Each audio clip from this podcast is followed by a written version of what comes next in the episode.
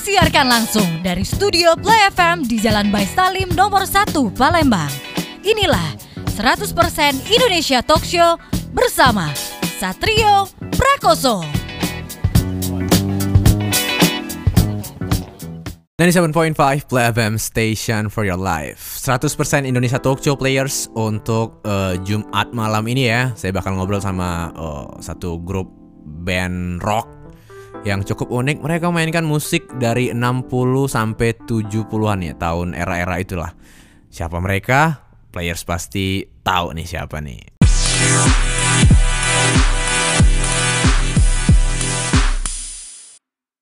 97.5 Play FM Station for your life. 100% Indonesia Talk Show Players bersama saya Satrio Prakoso. Dan buat malam ini Saya udah bareng sama uh, sebuah band dari Jakarta ya.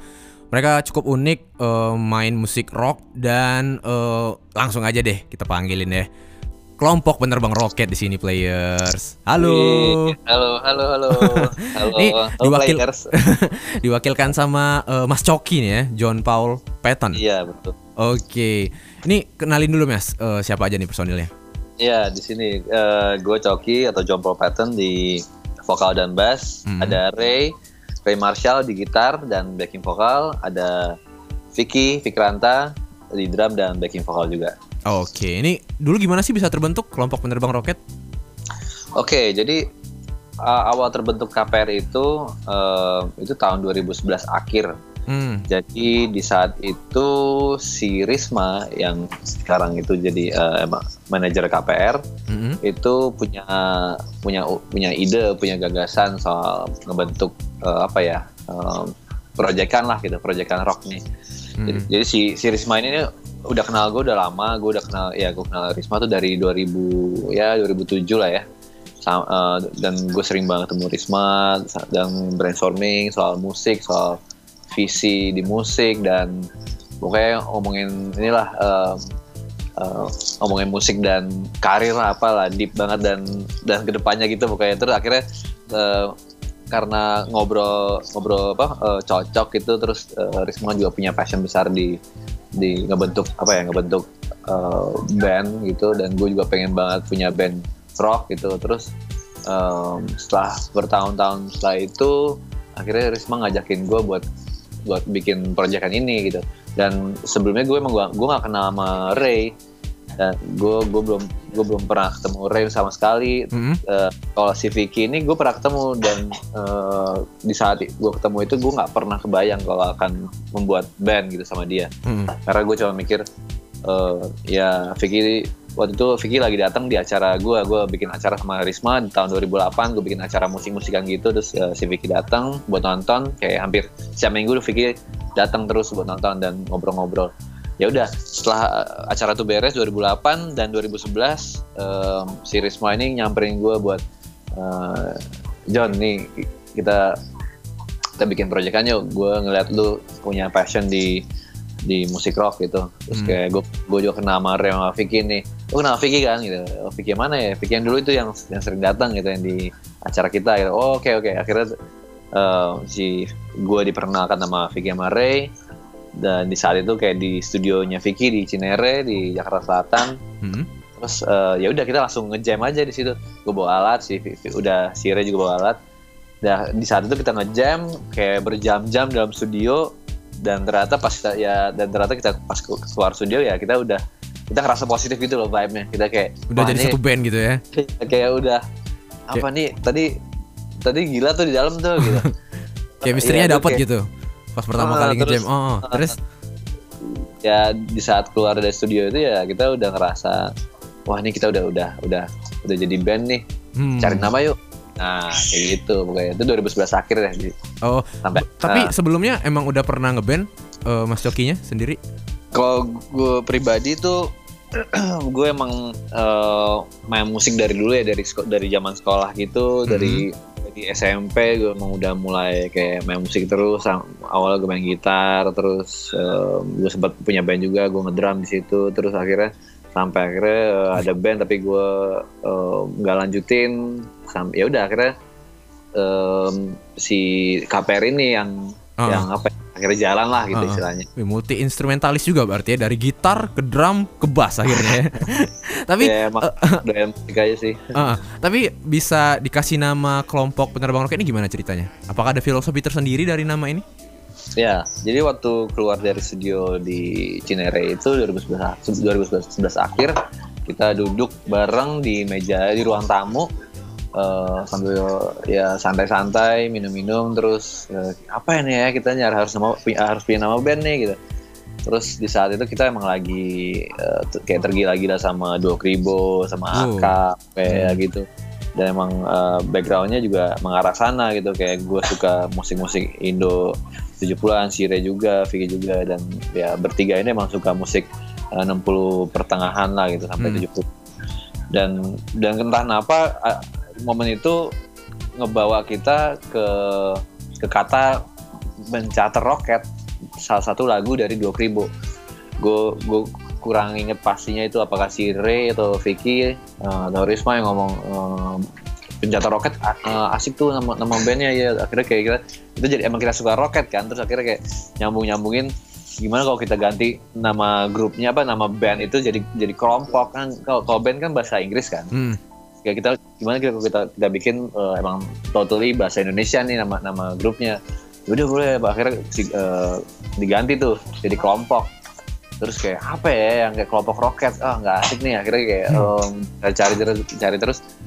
"Ah, gimana kalau kelompok penebang roket men? Gue lupa siapa nyebutin. Pokoknya intinya kita bareng-bareng bisa bisa eh, mencetuskan nama itu dengan filosofi ya kita kita eh, sebuah kelompok yang menerbangkan musik kita ke atas gitu Oh. Jadi, ya di si si roket itu uh, kita kita analogikan sebagai mu- musik APR gitu hmm, musik APR dan kan namanya roket kan pasti meluncur ke atas ya hmm. jadi ya kita nggak bawa musik kita ke atas terus gitu Oke, dan untuk genre sendiri ini cukup unik juga nih ya players ya. Eh, kelompok penerbang roket ini mainin eh, musik rock, tapi yang nuansanya itu era 60-an, 70-an gitu ya. Ini kenapa nih Hmm. kalian milih eh, genre musik seperti ini? eh sebenarnya background musik kita tuh wa- rame ya macam-macam kayak si Vicky tuh suka jazz jazz jazz, apa, jazz lama 50 60-an terus dia juga suka eh, Brit rock dia suka eh, new wave juga. Dan gue juga eh, punya background musik yang luas juga juga. Tapi eh, di semua back- di semua musik yang kita suka di dan, dan kita dengerin ini emang em, kerasa nyaman di dan apa dominan di rock sih dan ya emang khususnya ke 60 per 60 ya 60 akhir sampai 75 lah musik-musik rock itu gitu Hmm. dan emang dari masing-masing kita ini emang eh, kayak su- suka Hendrix, suka Zeppelin, suka eh, Deep Purple, suka eh eh, Duo Kribo, Aka dan dan apa eh, Pink Floyd gitu dan ya emang kita punya satu kesamaan di situ lah gitu di Hmm. di di warna musik itu dan emang dari dulu pengen banget pengen banget ngemainin musik kayak gitu gitu dan akhirnya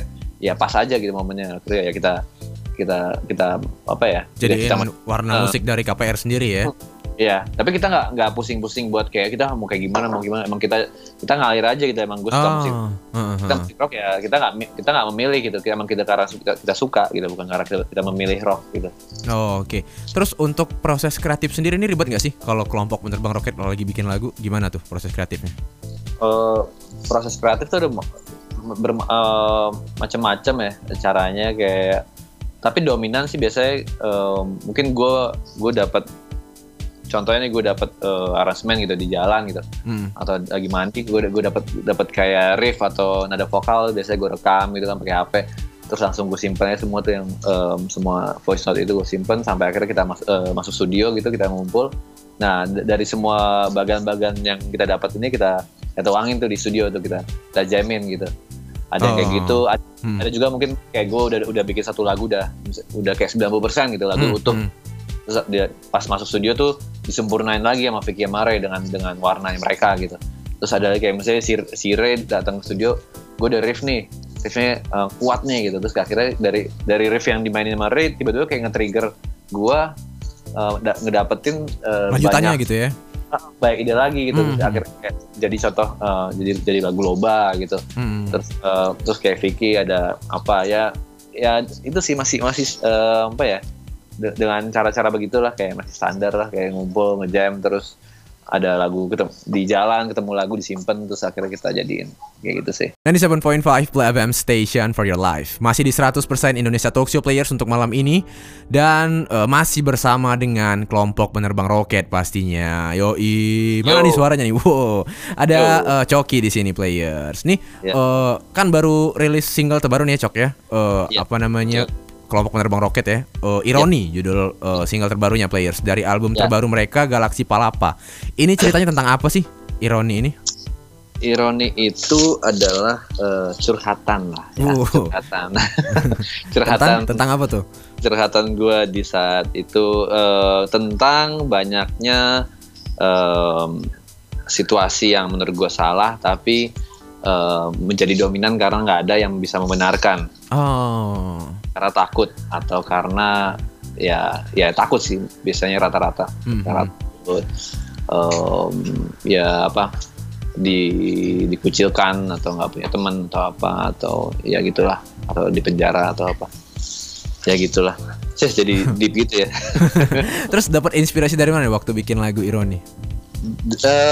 S- apa ya dari keadaan sosial sih sebenarnya. Kayak banyak hal yang bisa jadi eh, apa eh, inspirasi di saat itu karena kayak gue melihat hal kecil aja ketika gue misalnya di jalan raya gitu kalau kita lagi naik motor atau naik mobil terus ada yang lawan arus gitu Hmm? terus juga banyak banget yang lawan arus ngikutin semuanya gitu nah Oh, satu ya ya maksudnya em, ya itu sebenarnya salah gitu kan Hmm, hmm. karena nggak ada yang nggak ada yang coba melawan itu ya akhirnya ya jadi ironi aja gitu Oh. kayak Kayak- Heeh, heeh. Kayak yang yang Hmm. bener ngasih tahu tapi tetap aja salah karena eh, tetap aja kalah karena kalah jumlah banyak- ya. kalah jumlah iya. Karena udah salah tapi jadi mayoritas jadi diterima jadi kebenaran gitu ya seolah-olah ya. iya itu dia Oh, Oke. hal simpel sih kayak gitu sih Hmm. kalau di sosial gitu. dan kalau ada orang yang kayak ini gue salah tapi dibelain gitu padahal kan harusnya kan ya Tetap salah, salah ya. dikasih tahu Hmm. Dan udah Ah, dikasih udah buat lagu Ironi ini sendiri udah rilis video klipnya ya. Berapa Iya. waktu lalu ya? Ini siapa yang garap tuh video klipnya? itu yang garap itu teman kita namanya Dian uh, Tamara namanya Hmm. itu em, dia tuh punya eh, production house ya namanya Hmm. oh, kolektif lah ya namanya Tomakako Hmm. Eh, dan mereka yang apa yang ngegarap si video klip ini gitu. dan, dan emang emang awal kemarin pas pas kita kepikiran eh, buat menggarap tuh ya emang lagi melihat lah gitu siapa nih teman-teman yang kayak emang cocok nih apa soal apa, eh, kreatifnya lah gitu Hmm. Nah, ya, terus kayak kita ajak si Tamara gitu kamu mau gak gitu terus ya mau mau mau akhirnya kayak iya yuk kayak sudah bar- sama-sama excited gitu yang kayak Hmm. wah seru nih seru nih akhirnya kayak Hmm. ya, ngomongin eh, konsepnya gitu, gitu. Konsepnya sendiri tentang apa tuh video klipnya? Itu sebenarnya simple sih kayak eh, Kalau dilihat dari secara harfiah kayak lagi baca berita gitu ya. iya Ah, sebenarnya hmm. perlu gua ini sih gue jelasin itu sebenarnya lebih ke arah video lirik sih bukan video klip Ah. gitu jadi kok ya video lirik karena emang kita kita kasih lirik di bawah situ kan jadi orang bisa bisa istilah kayak karaoke lah gitu Hmm, hmm. nikmatin sambil baca liriknya gitu dan eh, sebenarnya simpel banget sih kayak ya, apa kayak pembawa berita yang yang, yang capek aja gitu yang kayak eh, apa eh, istilahnya kayak ya harus tampil manis atau Hmm. apa gitu ya intinya capek lah dia tuh kayak pingin eh, Ngelakuin sesuatu yang beda gitu ya. Ya kayak gitu. Pokoknya eh, kayak dia dituntut dengan mungkin ya mungkin dituntut dengan dituntut dengan eh, eh, melakukan sesuatu yang mungkin dia nggak suka gitu atau mem- Oh, mem- memberitahu yang yang yang dia nggak mau nggak setuju gitu. Ah, Ah. yang dia tidak setuju ya. eh, Hmm. ya ini aja gitu. Ah, dari video musiknya ini sendiri pengen nyampein pesan apa sih? Kalau dari KPR sendiri? Hmm, apa ya? Pesan sih sebenarnya nggak ada yang kayak serius-serius banget sih. Emang suatu video yang yang seru aja gitu, yang yang beda. Mungkin ya orang-orang punya mungkin orang-orang punya persepsi lain kali ya. Mungkin ada ada orang-orang yang bisa ada orang-orang yang terlalu deep gitu buat nge- apa ngebaca gitu. Cuman apa ya? Ya kalau videonya sih ya kayak gitu aja sih cuma pengen oh ngasih lihat aja kayak ini capek dengan kerjaan ini kok um, capek disuruh-suruh apa yang dia nggak nggak setuju atau dia nggak sependapat gitu-gitu Hmm. jadi dia ya dia pengen kayak keluar aja dari dari kebiasaan itu gitu dari apa ya dari power itulah gitu. 97.5 Play FM Station for your life. Masih di 100% Indonesia Talk Show Players bersama saya Satria Prakoso dan kayak di malam ini ya Di Jumat malam ini saya udah bareng sama kelompok penerbang roket. Wuh. Nih udah. Gitu. udah udah banyak banget yang dibahas tadi players dari eh, tentang sejarahnya kelompok penerbang roket terus juga lagu terbarunya ya ironi dari eh, album Oke. terbaru mereka Galaxy Palapa. Tapi eh, yang saya penasaran banget nih players ya eh, mereka kan udah rilis dua album tuh eh, Teriakan Bocah dan Hai ya yang dirilis di tahun yang sama di 2015 ini gimana sih ceritanya dua album kalian ini bisa dirilis di tahun yang sama Biasanya kan jauh-jauh tuh kalau eh, musisi Iya. lain ar- albumnya kan tiga tahun, 4 tahun. Ini album ini di di tahun yang sama nih dua album. Gimana tuh? Nah, ya, jadi ceritanya kenapa bisa keluar di tahun em, dalam apa ya selang dua bulan ya itu ya kalau nggak salah seingat gue. Hmm. Jadi tuh di saat itu em, kita masuk menjadi finalis eh, dari kompetisi em, brand minuman alkohol lah gitu. Ah, Oke. Eh, di saat itu 2000 berapa ya gue lupa. 14. 2014 ya. Oh, Heeh, kayaknya. Oke, kita nggak sengaja bisa masuk situ, itu juga ada ceritanya lucu banget sih. Hmm. Sampai akhirnya kita jadi finalis dan kita kaget kayak, wah eh, selamat guys, selamat KPR kalian eh, menjadi tujuh finalis besar nih gitu. Hmm, hmm. Dan kalian akan main di Surabaya. Terus kayak kita eh, excited kan, wah ini apa nih? Kita jadi finalis. Ya udah sikat deh sikat. Tuh kayak ya kita emang ya kita nyaman nyari panggungan kan, akhirnya ya kita seneng aja gitu buat buat manggung gitu. Akhirnya dapat panggungan kita main Surabaya dan eh, balik ke Jakarta buat masuk fin dan ternyata kita masuk finalis eh, tiga finalis eh, besar. Hmm. dan kita main di Citos di di Jakarta. Terus akhirnya kita menang. Uh, kita menang. jadi juaranya Dan ya? gua- jadi juara jadi juaranya. Jadi juara ju- juara kompetisi itu. Dan Oke. gue di saat itu gue belum tahu hadiahnya apa Oh. Ya, segitu segitu lucunya tuh kayak gue masih belum tahu anak-anak juga belum tahu apa sih hadiahnya dan dikasih tahu hadiahnya adalah rekaman satu Oh. album terus kayak ya udah nih em, kita kan pengen nego kan nggak bisa yang lain nggak Hmm. bisa nih, rekaman album ya udah maunya apa akhirnya kita juga punya ide buat bikin kita pernah punya gagasan ide eh, pengen eh, pengen bikin tribute album tribute buat band legendaris gitu Hmm. Dan akhirnya kita pilih Pampers saat itu terus akhirnya Oh. ya udah eh, rekaman itu proses sebulanan Hmm. Nah, di saat kita rekaman itu kita juga lagi memfinalisasikan si album Terakan Bocah yang mana adalah album perdana KPR gitu. Jadi kayak ya waktunya Berbarengan ya? momennya bersa- ber, apa ya? Barengan, barengan. Jadi Ah. ya karena itu juga kita pilih eh, album tribute. Kenapa kita album eh, pilih album tribute? Karena kita udah punya materi yang yang kita sendiri gitu. Ah, yang udah direkam juga sebelumnya ya. Jadi kita nggak punya kita kayak nggak pikiran masa kita punya album perdana kita bikin bikin album lagi gitu kan. Ah, ah.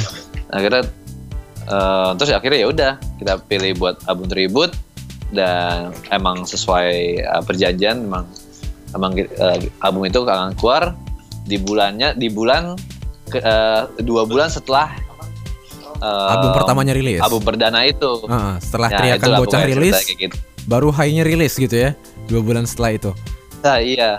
Ini cukup unik Nah, nih ya. itu Kal- dia. kalian Gitu. bisa ikut kontes apa tadi yang sampai bisa bikin album ini tadi? Nggak tahu itu jadi awalnya bakal dapat hadiah apa. Iya, jadi karena emang emang kita kita aja nggak nggak sadar kalau kita kalau kita masuk ke itu masuk masuk ke apa eh, kompetisi itu gitu karena Ah. emang ma- yang yang, nge-submit aja tuh lupa gitu si Ray. Oh, iseng-iseng doang berarti ya. Iya, iseng Awalnya iseng kan? Oh. Kayak si si Ray balik dari dari mana kayak dia kurang sadar di saat itu terus terus dia dia langsung nge-submit, udah dia tidur. Sampai akhirnya kayak dua bulan kemudian kita masuk jadi finalis nih gitu. Tiba-tiba ternyata jadi juaranya ya. Jadi juara. Gila, Ya, ini beruntung banget ya berarti KPR ya. Tapi Ya. di tahun 2018 nih players mereka uh, rilis album terbarunya dong pastinya ya Galaxy Palapa. Ini ada berapa lagu nih di album terbaru kalian ini? di di Galaxy Palapa itu ada lima lagu Oh, berarti ini jatuhnya mini album atau atau Eh, tetap mini album. Mini Mini- album. mini album. Oh, lima lagu, tapi durasinya panjang-panjang nih kayaknya ya. Hmm. Eh, karena emang lebih ke arah apa ya konsep dan apa ya, instrumental Oh, eh, eksperimen gitu-gitu lah pokoknya. untuk pengerjaan album sendiri berapa lama tuh? Si Galaxy Palapa itu sebenarnya tuh penggarapan album itu nggak selama eh, apa ya kayak ini kan udah bertahun-tahun ketunda gitu kan. Mhm. Sedangkan sebe- sebenarnya tuh si proses itu cep- eh, kayak cuma setahun gitu. Setahun dari 2015 sampai 2016 pertengahan. Mhm. Jadi sebenarnya materi-materi materi-materi Galaxy Palapa ini dibikin itu setelah kita nge- nge-launchingin si eh, albumnya si Hai. Oh. Jadi ya jadi album Hai itu beres kita ada ide album Galaxy Palapa ini. Dah si lagu-lagu eh, si Galaxy Palapa ini kebentuk, tercipta dan akhirnya kayak nambah-nambah nama sampai akhirnya kayak akhir akhir akhir 2015 itu udah udah kebentuk terus disusul sama lagu Alpha Mega tahun 2016 dan kita rekam di SAE tahun 2016 Oh. dan tadinya kita mau rilis langsung cuman Mhm. karena di saat itu KPR lagi lagi lumayan apa ya eh, lumayan sibuk kan Mhm. lumayan ada ada manggung sana sini ada tour dan akhirnya tertunda deh itu semua Oh. si, si Galaxy Palapa itu Baru bisa terrealisasi di tahun 2018 ya baru rilis albumnya ternyata. ya setelah dua tahun kan ya ya itu Jadi eh, tantangan terbesar apa nih eh, waktu ngerjain album Galaxy Palapa ini? Eh, sebenarnya di di pas awal proses kreatif dan dan rekaman di awal itu sebenarnya kita nggak nggak ngalamin nggak nemuin banyak eh, apa ya halangan dan eh, apa ya Tantangan lah ya. tantangan Hmm. Eh, paling lebih ke arah mungkin gue bisa bilang ke arah teknis kali ya Mhm. karena kita lagi kita lagi ngincer soundnya agak yang beda lah dibanding yang yang orang tahu sebelumnya gitu Hmm. di Terakam Bocah jadi kita di sini lebih pengen yang lebih eh, Eksplorasi ya, lagi ya dari Iya. sisi teknisnya ya. kalau kata anak sih lebih ngawang-ngawang gitu ya. Oh, ngawang. lebih reverb lebih lebih roomy lah lebih lebih Hmm, kayak hmm. Lebih kayak apa ya space rock gitu Oke. gitu jadi pas eh, proses itu kita eh, nggak nemuin gaya teknis sampai akhirnya ya ya paling pas di, di, di rekaman yang kedua nih yang di musika kemarin 2017 akhir itu kita paling tantangannya adalah eh, ngebalikin moodnya itu lagi gitu Oh, biar kembali lagi kayak yang mood 2 tahun sebelumnya ya waktu baru-baru anget-anget banget ya materinya ya.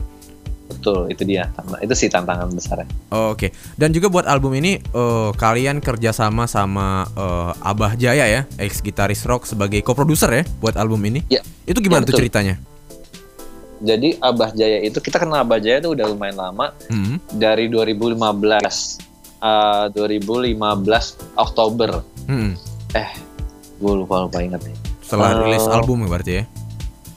iya Hmm. Pokoknya awal pet- ah, pertama kali gue kenal Abah itu ketika KPR main di eh, ada namanya Sounds Fair kalau nggak salah. Itu Hmm. ada ada ada kayak eh, apa festival gitulah di Jakarta eh, di Senayan. Terus di situ pertama kalinya eh, Abah Jaya jadi operator jadi eh, apa eh, Soundman, sound engineer. six jadi sound engineer di saat Hmm. itu terus itu pertama kali kenalan sa- sampai akhirnya kayak itu perdana dan setelah itu kita jalan lagi tapi nggak ketemu Abah dan 2015 akhir kita dapat tour dari em, salah satu eh, apa clothing eh, clothing line gitu surf em, terus dan kita akhirnya jadi tour ke Bali dan di saat itu ternyata Abah ikut sama APR nah itu di di dua minggu itu di dua minggu tour itu kita itu momen-momen eh, waktu-waktu kita nge- nge-blending lah sama Abah lah gitu.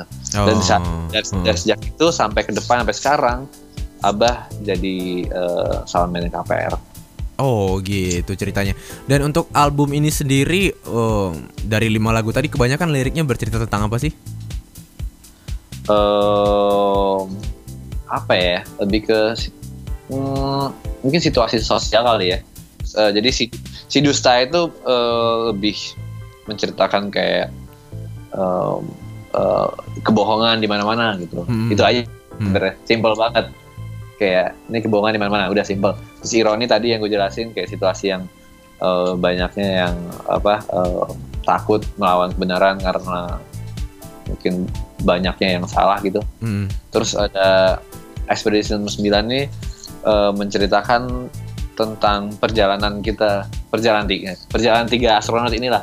Tiga astronot menuju ke eh, ke orang angkasa ada- yang lagi mencari si galaksi Palapa ini terus si berita angkasa adalah em, lagu yang menceritakan tentang em, ada kabar gembira yang disebarkan gitu dari angkasa Hmm. dan itu itu nyambung ke ceritanya si Galaxy Palapa. Jadi eh, perlu gue apa eh, tambahin lagi gue eh, jelasin lagi kalau si Galaxy Palapa ini kan album konsep kan, album yang dari satu lagu ke lagu lainnya itu punya Berkaitan ya? punya koneksi kaitan Hmm. hmm. dan itu uh, ada sebuah cerita besar di dalam situ gitu. Gitu. Jadi kalau si dusta itu menceritakan tentang situasi di bumi yang yang semua orang udah perang perang ego dan kebohongan di mana-mana terus uh, ironis sekali buminya terus uh, Expedition 9 soundtrack uh, tiga astronot ini mencari uh, galaksi galaksi baru namanya galaksi Palapa. Terus um, si Alpha Omega ini um, sebuah apa ya rangkuman lah gitu. Kalau semua ini ini ini, ini Vicky yang bikin sih Hmm. si uh, Vicky yang bikin lagu ini jadi dia dia pengen bilang kalau semua ini uh, uh, bukan apa-apa kalau tanpa dia gitu tanpa Tuhan maksudnya Oh, Oke. dalam banget ya Deep banget nih liriknya ternyata players ya. Yoi, itu lah terus momen itu eh, Nah. terus eh, hal apa nih yang paling ngebedain eh, album Galaxy Palapa ini dengan album-album kalian sebelumnya nih, baik secara musikalitas dan juga teknis. Yang paling bedain. Um, ya jelas kalau emang denger musik yang- emang musiknya udah beda kan Hmm. walaupun ya masih ya musik rock gitu yang ngebedain adalah di sini ya kita eh, mencoba apa ya mem- memperlihatkan warna yang yang kita suka lagi sebenarnya karena kan musik rock kan sebenarnya lumayan luas kan. Di tahun 65 sampai tahun 75 pun sebenarnya banyak Hmm. musik eh, jenis musik rock gitu. Dan kita mau ya yang membedakan adalah ini adalah album konsep gitu album yang punya cerita gitu. Album dongeng lah ya istilahnya. Kayak ini ada cerita fiksi ya ada cerita Ah. fiksi di dalam album ini. Jadi kalau beli kasetnya sih dia emang kita nggak kita nggak tulis kita nggak apa naro lirik di situ karena kita menggantikan lirik dengan dengan ilustrasi lah ilustrasi yang bisa di apa di dihayalin lah gitu dibayangin gitu sambil denger musik 97.5 Play FM Station for your life. Masih di 100% Indonesia Talk Show Players bersama saya Satrio Prakoso dan juga kelompok penerbang roket. Wow. Wih, baik sama kami. Ini diwakilkan sama Coki nih players. Basisnya nih yang kalau lagi manggung di tracking cewek-cewek mulu nih ya. Ah, Emang iya. ya? Tapi yang jelas eh, kemarin juga sempat eh, manggung di Palembang nih kan, eh, kelompok penerbang roket buat promo menuju Galaksi Palapa ya. Hmm, betul. Ah, Di- film dokumenternya ya. Iya, dokumenter. Ini juga diputar di beberapa kota di Indonesia juga selain kota Palembang players. Dan eh, gimana sih dulu itu ceritanya bisa sampai muncul ide untuk bikin film dokumenter ini? Iya, jadi seperti yang tadi gue jelasin si eh, proses album Galaksi Palapa kan eh, lama ya dari Hmm. 2000 dari proses kreatifnya 2015 pertengahan sampai Hmm. akhirnya 2018 Hmm. di eh, launching apa di rilis gitu. Hmm. Eh, itu tuh em, di sekian lama itu tuh em, adalah cerita-cerita yang jadi awal gini kayak kita kita ngerekam lagu-lagu itu di 2016 Hmm. di bulan apa gue lupa pokoknya itu di SAE nah di saat itu eh, rekaman itu udah berjalan lancar macam-macam sampai akhirnya kita mau rilis cuman nggak sampean nggak nggak apa nggak kejadian tuh rilisnya sampai kita karena ada ada aktivitas lain ada manggung-manggung kita lumayan Hmm. Manggung ke Australia juga ada ke, ke- wah, ada tur sana sini terus sampai akhirnya eh, kita teringat lagi nih ini gimana nih album ini gak apa kita harus eh, kita harus eh, rilis nih gitu kita harus kasih eh, denger lah ke publik gitu walaupun ini sebenarnya kayak album apa ya album kayak jamming gitu doang cuma Hmm. akhirnya kita rilisin. dan akhirnya dari obrolan itu emang si album ini emang udah udah udah apa ya tercipta lah si konsepnya yang kayak eh, ide-ide tiga astronot ini keluar terus nyari planet gitu-gitu. Terus eh, akhirnya pas kita mau rilis kita dengerin lagi tuh kualitas eh, dari albumnya. Tapi ternyata kita masih ku- kurang serak tuh soal soal teknisnya. Hmm. jadi kayaknya gimana nih guys? Akhirnya gue tanya si Ray nanya gimana mau apa tag ulang lagi gitu. kayak ternyata semua setuju ya udah kita tag ulang deh dengan dengan kualitas dan gear yang kita punya sekarang gitu alhamdulillah uh, kita dapat banyak pengalaman lah soal Iya. tag Hmm. Dan ada Abajaya juga yang Hmm. kayak mementor itulah gitu Eh, akhirnya ya udah em, Direkam ulang semua kalau- jadi ya. direkam ulang semua terus Hmm. ini gimana nih karena ini panjang kalau nggak salah Risma atau siapa tuh kalau nggak salah Risma ada yang yaudah kita bikin dokumenter aja kita kita rekam aja. Si eh, si Hasbi aja yang garap nih. Karena kebetulan di saat itu emang kita lagi lagi sering ketemu Hasbi di Bandung. Hmm. karena emang Hasbi kan base di Bandung waktu itu. Terus kita sering brainstorming sama Hasbi ngobrol-ngobrol kayak akhirnya ya udah Hasbi oke sih kita eh, kita, kita bikin aja deh nih si dokumenter karena emang ada banyak cerita di balik itu gitu. Yang si dari cerita albumnya sendiri bisa digali lebih dalam di di apa jadi materi di di dokumenternya akhirnya ya udah si dokumenter itu kejadian deh pokoknya ngerekam si rekaman baru juga di musika Oke. Jadi bisa Ini yang garap tadi jadi siapa? Yang garap film dokumenternya? eh Hasbi si Pak Huta Oke. Namanya. Nih jadi berapa lama nih Hmm. proses pengerjaan film dokumenter ini? Eh, proses itu seingat gua em, si Hasbi tuh bilang dua bulan satu satu satu sampai dua bulan Oh, Itu- jadi Itu dia semuanya dia ngikutin mulu tuh pas kalian take drum dia ngikutin, iya take bass, di- take di- gitar sampai selesai. ya? di Iya di rekaman pokoknya di rekaman eh, musika dia ada ada terus dia standby terus em, terus eh, di em, apa ya rekaman rekamannya dulu tuh terus perjalanan perjalanan lain tuh itu juga semua ke rekam ke apa, eh, ada dokumentasinya gitu Hmm. sama dari tim jadi kayak semua itu bisa disambung dan bisa jadi satu cerita gitu Oh, dan jadi Jadi- satu film dokumenter menuju galaksi Palapa ini tadi ya. iya betul Oke, dan akhirnya sekarang udah rilis nih Players albumnya.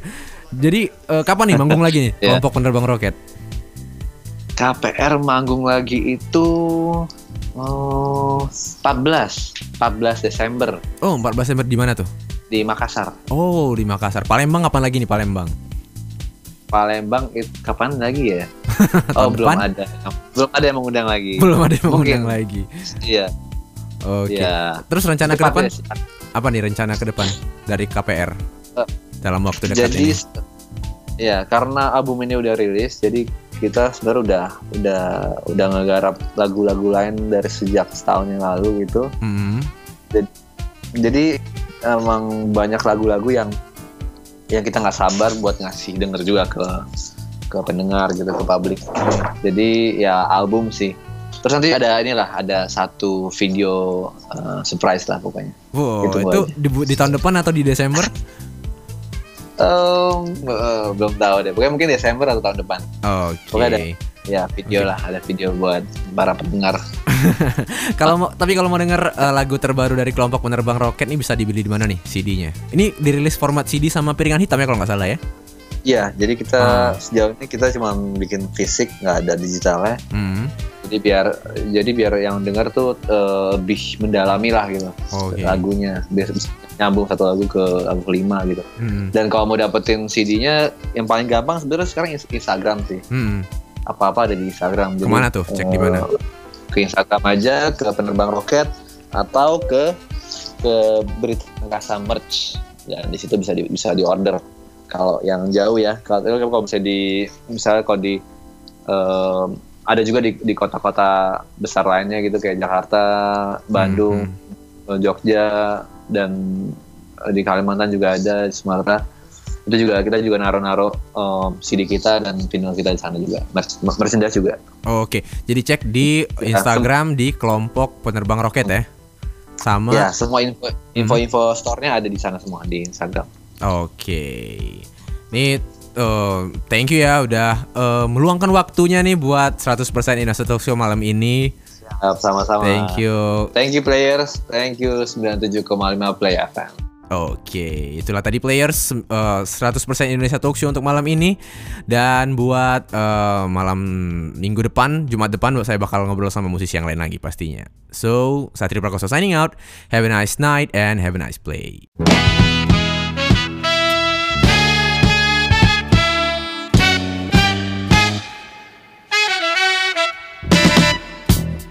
Kasih Anda sudah mendengarkan 100% Indonesia Talk Show bersama Satrio Prakoso.